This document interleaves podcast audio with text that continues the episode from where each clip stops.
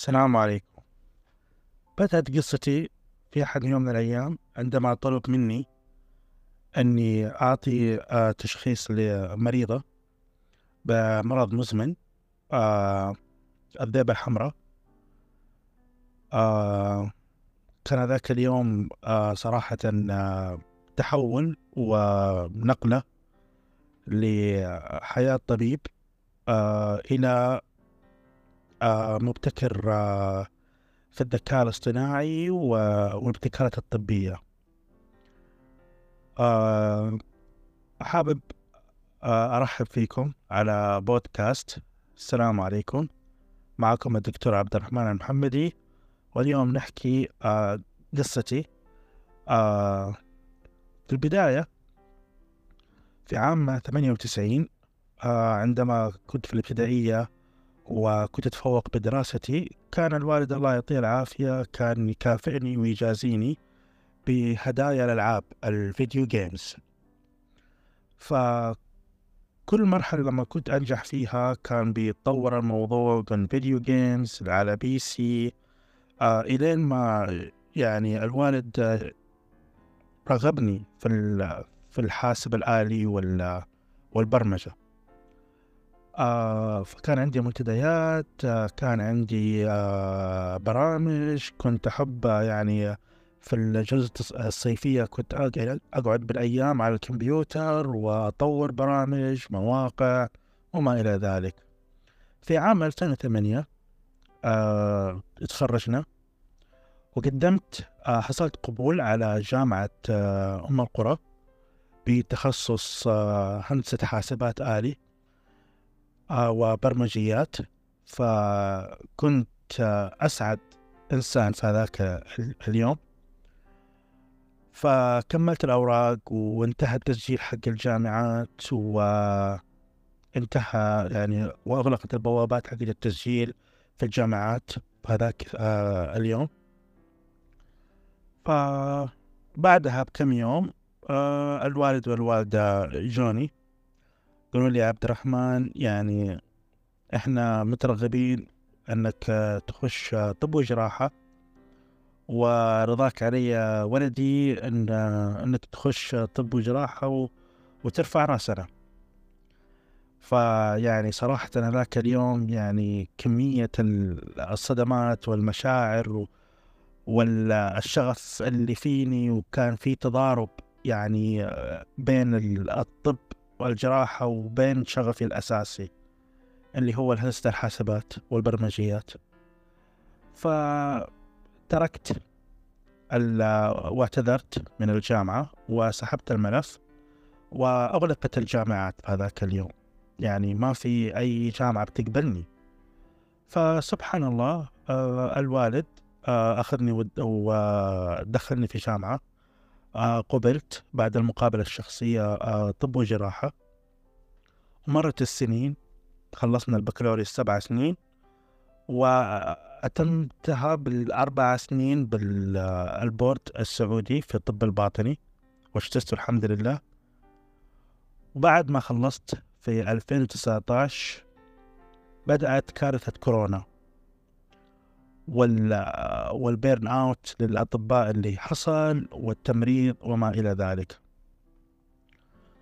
فكنت في أحد العيادات في العيادات ال virtual كان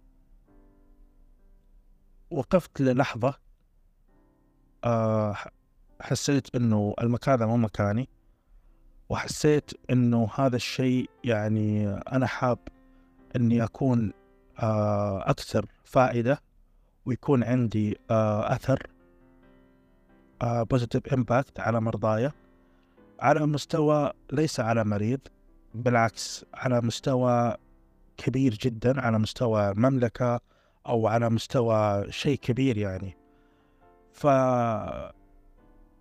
فما كنت أعرف صراحة ما في أحد كان آه، يعني بيوجه الموضوع هذا لأنه إحنا كأطباء إحنا عندنا إنه الطبيب يخلص من البكالوريوس يروح للبورد وبعد البورد يكمل الزمالة التخصصات الدقيقة وبدأ يطلع استشاري وخلاص ويشوف يعني يتابع مرضاه وتستمر معاه الحياة. ف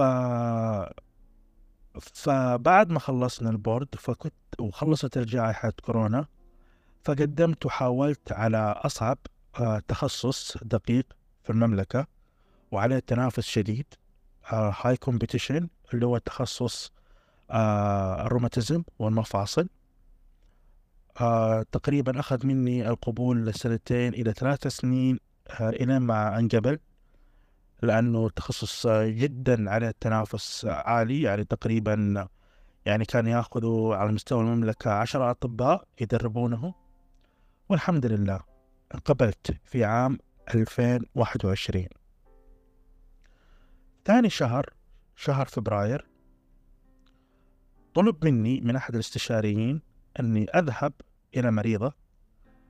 هذه المريضة كانت تشتكي من يعني أعراض غريبة سخونة كانت تشتكي من آلام في المفاصل من إجهاضات من تورمات من طفح جلدي. وما وإلى كمان صلع وإسقاط وتساقط الشعر.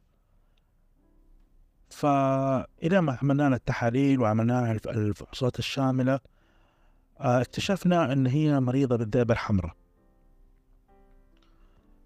فطلب من أحد يعني طلب مني من الاستشاريين أني أروح أقول للمريضة هذه التشخيص. ف رحت للمريضة فقلت لها على التشخيص هذاك اليوم أنا ما حاساه صراحة. يعني I will never forget that moment. When I tell her uh, when I tell her that she has diagnosed as lupus الذئبة الحمراء انهارت من البكاء. آه كانت بتسألني بتقول لي يا دكتور طيب أنا أنا متزوجة وأنا خايفة أتطلق وهل هذا المرض معدي أو غير معدي؟ آه هل هذا الشيء يعني بيخل أنا ماني عارفة كيف يعني إيش وضعي؟ هل أنا حكون يعني إنسانة معاقة؟ أنا ماني عارفة. ف يعني صراحة كانت بتبكي وكانت يعني خايفة يعني مي عارفة إيش بتعمل. وهنا كان يعني المشكلة إنه ما كان عندنا الوعي آه، بالأمراض الروماتيزمية والمناعية وغير الأمراض الأخرى. ما كان عندنا توعية بالموضوع هذا بين الطبيب والمريض. ف فصراحة أحبط فقلت في حلقة ناقصة في الموضوع هذا فقلت حابب أنه أعرف أنه كيف ممكن أقفل الفجوة هذه فرحت عند الأطباء المعروفين في المملكة وتواصلت معه وقلت له على اللي صار وقلت له حابب إنه أعمل تطبيق آه نعمل له برمجة بخصوص إنه يكون توعية للمريض ويكون نشر الثقافة للأمراض ويكون فيه آه يعني دعم نفسي ومعنوي ويكون فيه انجيجمنت بين الطبيب والمريض على أساس إنه يكون فيه social و psychiatry support فعملت على مشروع آه، سعودي روماتيزم المشروع هذا يعني قعدت فيه تقريبا ستة شهور إني أعمل فيه وفي النهاية آه، جيت للشخص ال senior. آه، قلت له أنا حاب إنه أعمل على upscale على حاجة أكبر من كذا. فقال لي عبد الرحمن أنت ما تبارك الله فيك موهبة اللي هو ال innovation الابتكار. فأنا ما كنت أعرف صراحة إيش هو ال innovation ولا كنت أعرف يعني إيش هو الذكاء الاصطناعي ما كنت أعرف إيش هو ال digital transformation لأنه إحنا من من ال healthcare sector خاصة الأطباء آه ما عندنا الثقافة هذه. فبحثت في الموضوع تقريبا سنتين. آه، أخذت شهادات اتثقفت اتعلمت اتطور آه، صرت أعمل آه، ابتكارات صرت أطلع يعني براءات اختراع وصار هذا شغفي. إلين ما حسيت إنه تأثر.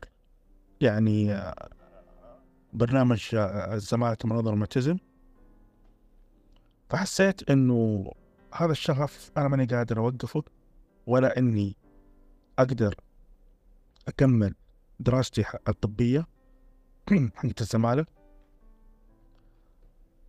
فقلت إنه خلاص أنا ما عندي حل يا إنه أنا أكمل في شغفي أو إني أكمل في الطب وخلاص وأنسى. إلين ما بعد كم سنة فسبحان الله الشغف يعني ما يوقف يخليك تشتغل 24 ساعة سبع أيام بدون ما تحس بأي تعب ما تحس أي fatigue ولا تحس بأي burn out وتنسى نفسك صراحة وأنت مستمتع. فهنا يمكن يعني أهمية الشغف في الشخص. إذا اكتشفه يروح. ف فاكتشفت شغفي الحمد لله. وتركت طبعا البرنامج الزمالة. وتحولت إلى healthcare innovation and digital transformation وبس. فالدرس المستفاد هنا تبع شغفك راح يفتح عليك. يعني الله أبواب كثيرة. أنت ما كنت تعرف إيش هي. فالمقولة هي قوم والحظ يقوم معك إن شاء الله. يعطيكم العافية. شكرا جزيلا.